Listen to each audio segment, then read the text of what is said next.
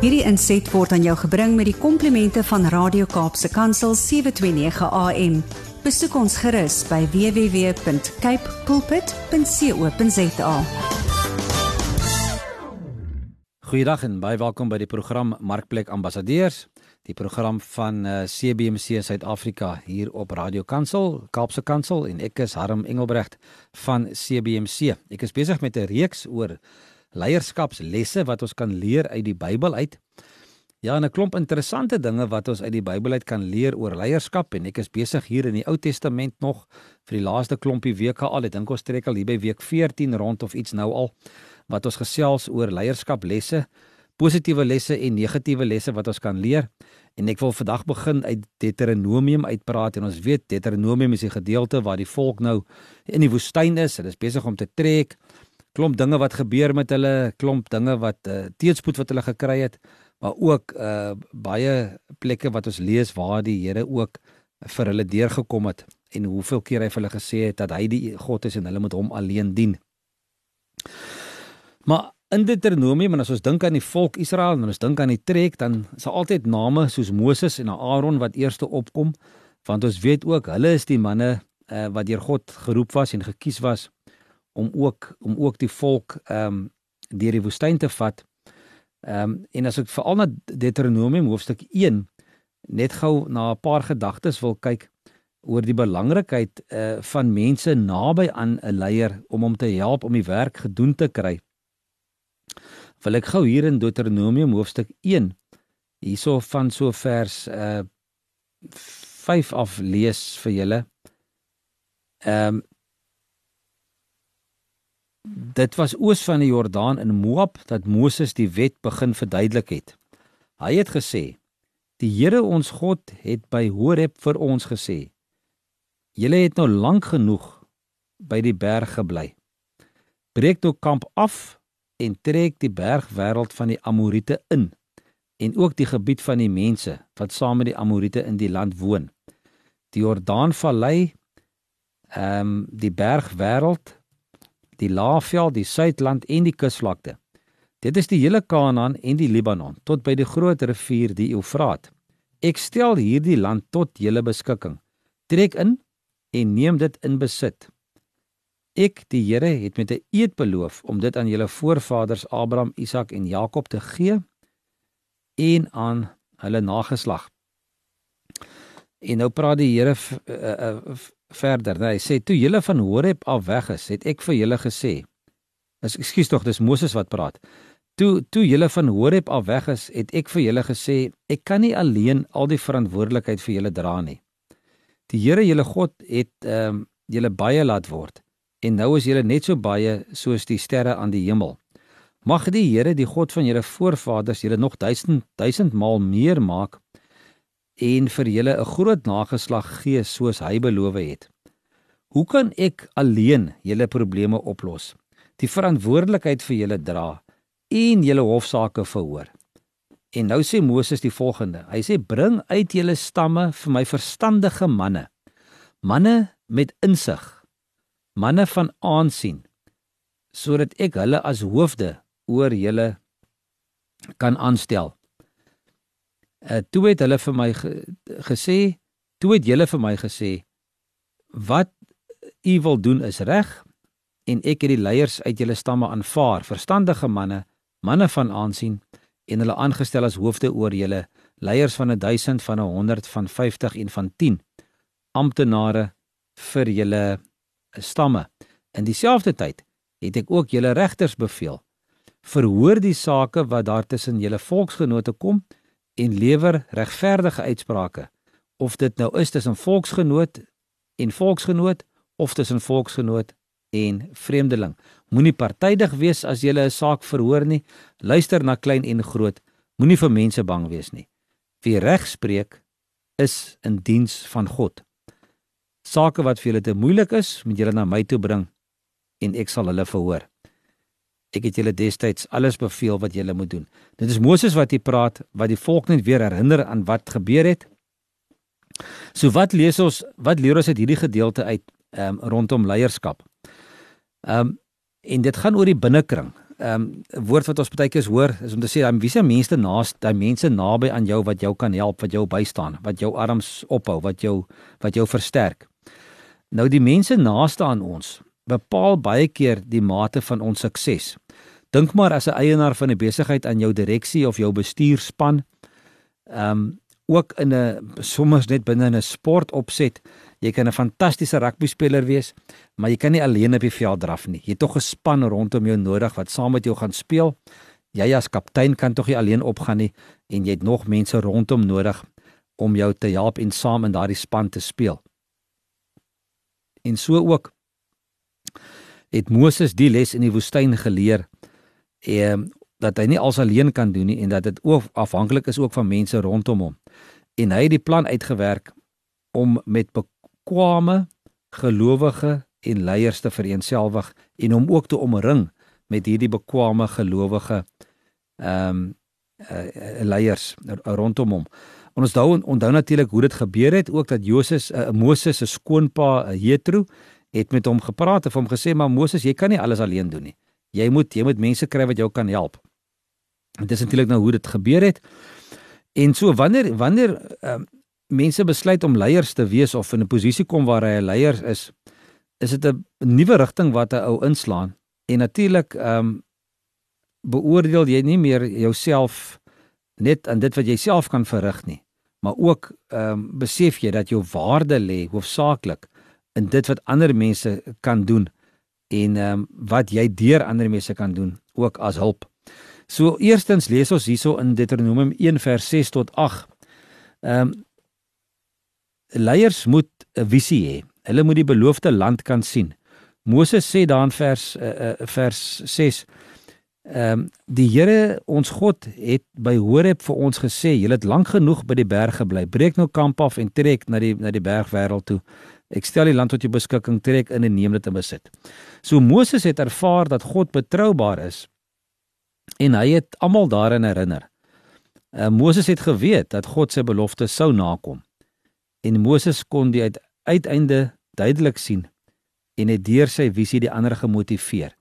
Dit was nie goed waarvan af hulle gekom het nie, maar daar waar hulle gebly het, het hulle so half en half 'n bietjie gemaklik geraak want hulle het so kamp opgeslaan daar in die woestyn.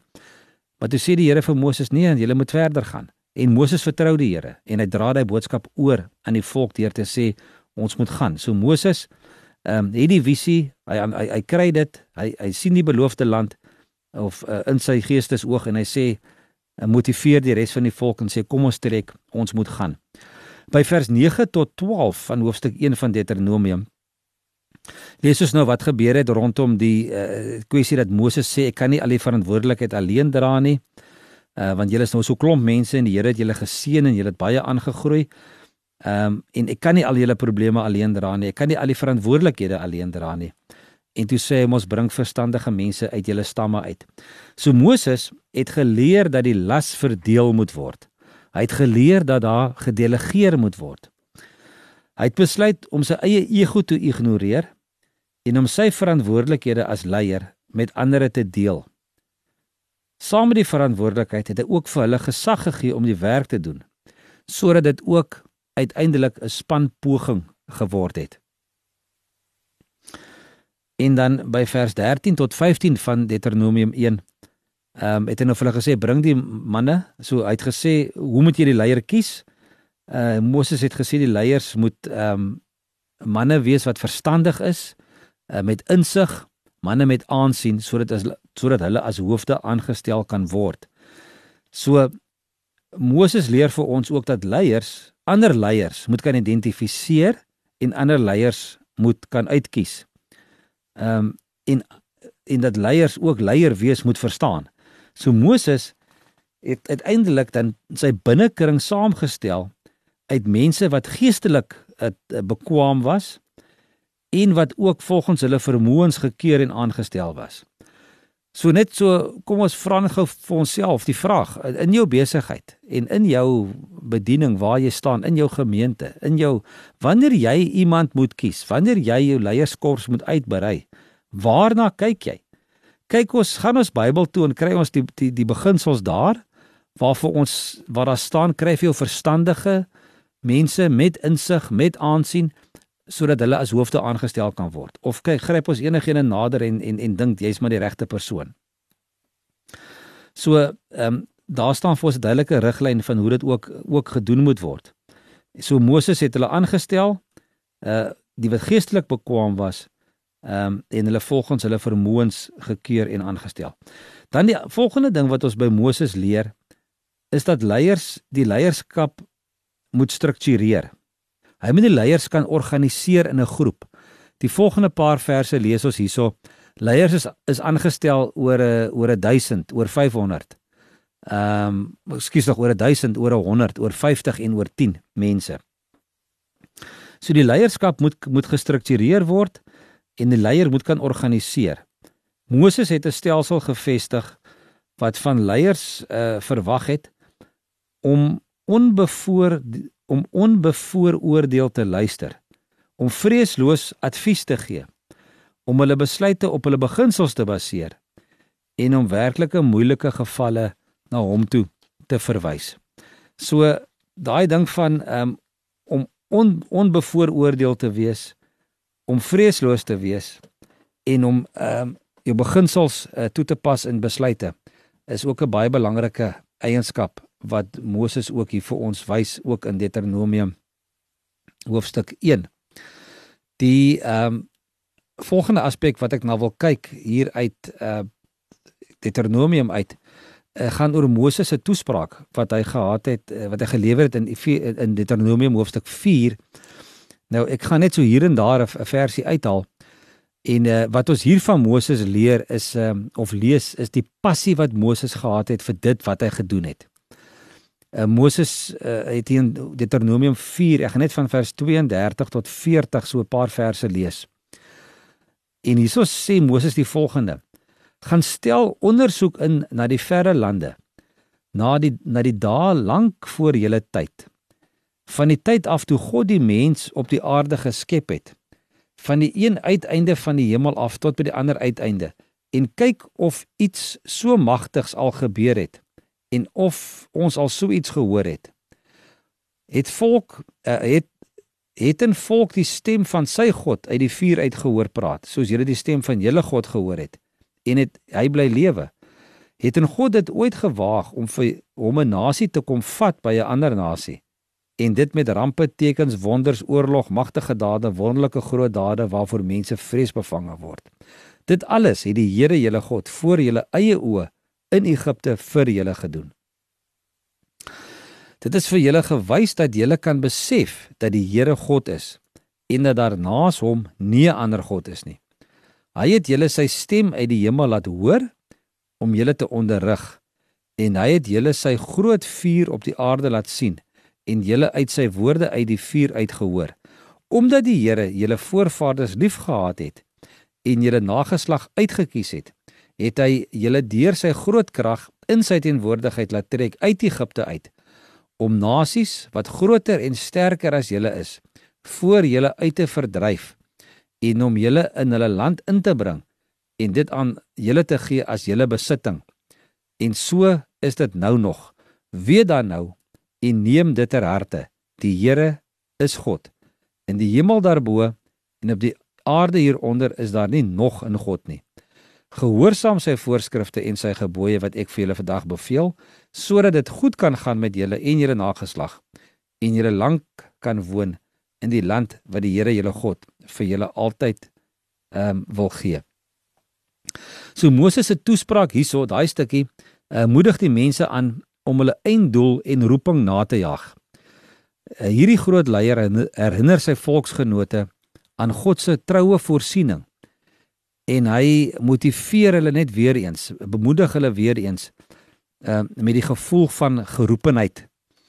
Wanneer leiers passievol is en hartstog het vir hulle visie en dit uitstraal, skep hulle 'n atmosfeer van verwagting onder hulle mense. En jy kan maar vir jouself dink, as 'n leier optree en hy praat met met geen passie nie en hy's half dooierig en hy weet nie regtig waartoe hulle gaan nie en is onseker van homself, gaan hy nie maklik volgelinge bymekaar maak nie. Maar wanneer jy met met met met positiwiteit en met passie praat oor 'n ding en en en seker is waantoe jy op pad is en wat wat verwag word van die mense. Ehm um, sal dit baie mak sal die mense baie makliker so 'n leier volg. Moses het dit dikwels reg gekry om die Israeliete so te inspireer. Ehm um, met 'n gevoel van geroepenheid. Moses het aan die Israeliete oorgedra dat God 'n belang het in hulle toekoms. 'n Toekoms wat hulle geroepe was om te vervul. So dis belangrik dat dat Moses wat ons hier leer wat Moses doen is ook dat ons moet gereeld doen is om ons volgelinge ook gereeld te herinner daaraan dat God 'n plan het en dat hy wil deel wees van ons lewe en dat hy vir ons 'n toekoms bepaal. So so God het vir die mense gesê, luister Israel, die God het ons geroep en ons is op pad iewers heen. Hy het vir ons 'n toekoms. Ehm um, kom ons gaan vorentoe. Die tweede ding wat Moses uh, gedoen het, ehm um, of hoe hy die dit reg gekry het om die mense te inspireer, was met 'n samehorigheidsgevoel. Hy het die mense oortuig dat hulle die land saam sou binnegaan. As 'n groep sou hulle hulle visie kon uitleef. Daar was nie tyd vir splintergroepe in vir vir dwarstrekkerigheid nie. Hy het hulle as 'n een eenheid gesien en gesê ons gaan saam hierdie ding aanpak. En dan natuurlik ook ehm um, kan jy mens praat van 'n militante gees. Moses het die volk opgeroep om alles te doen wat nodig is om die land te besit. Hulle moes die prys betaal om die taak gedoen te kry. So met ander woorde, hy het hulle gemotiveer, hy het hulle opgesweep wil ek amper sê om dit te doen waarvoor die Here hulle geroep het.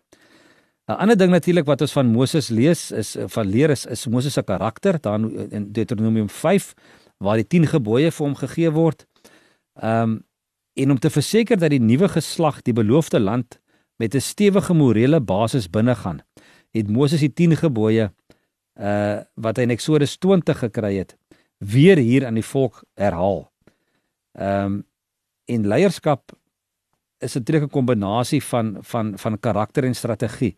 En Moses het het het het ook hiersof hulle dit kom herhaal deur te sê luister as ons wil ingaan waar die Here ons instuur, moet ons seker maak dat ons 'n skoon en 'n suiwer karakter het. So kom ons herinner onsself net ook weer aan die aan die gebooie. So, ehm um, strategie is belangrik saam met saam met karakter. Die laaste eienskap waarna ek vandag wil kyk wat ons van Moses leer is daai ehm um, uh Deuteronomium hoofstuk 6 wat 'n bietjie gaan oor prioriteite. En as 'n mens praat oor prioriteite, ja, kan mens lank lank aanhou want ja, hoe dikwels is ons prioriteite nie verkeerd nie en doen ons net wat ons wil doen wat vir ons gemaklik is en ons dink nie noodwendig aan die volgelinge en die mense wat vir wie ons moet lei nie. Ehm um, Deuteronomium 6 van vers 4 tot 9 gaan ek net gou lees. Ehm um, daar staan luister Israel, die Here is ons God. Hy is die enigste Here. Daarom moet jy die Here jou God lief hê met hart en siel met al jou krag. Hierdie gebooie wat ek jou vandag gegee het, moet in jou gedagtes bly. Jy moet dit inskerp by jou kinders en met hulle daaroor praat as jy in jou huis is en as jy op pad is. As jy gaan slaap en as jy opstaan. Jy moet dit as herinneringsteken vasbind op jou hande en dit moet 'n merk op jou voorkop wees. Skryf dit op jou deurkusyne en op jou stadspoorte. Daar's 'n ou gesegde wat sê die leier se taak is om die belangrikste ding bo aan die lys te hou. Ons sê sommer in Engels, you must keep the main thing the main thing. Moses doen dit hier in Deuteronomium 6 wanneer hy die Israeliete weer daarin herinner dat hulle bestaan gerig moet word deur liefde vir God. Hy vertel ook vir die familiehoofde hoe om waarhede aan hulle kinders oor te dra.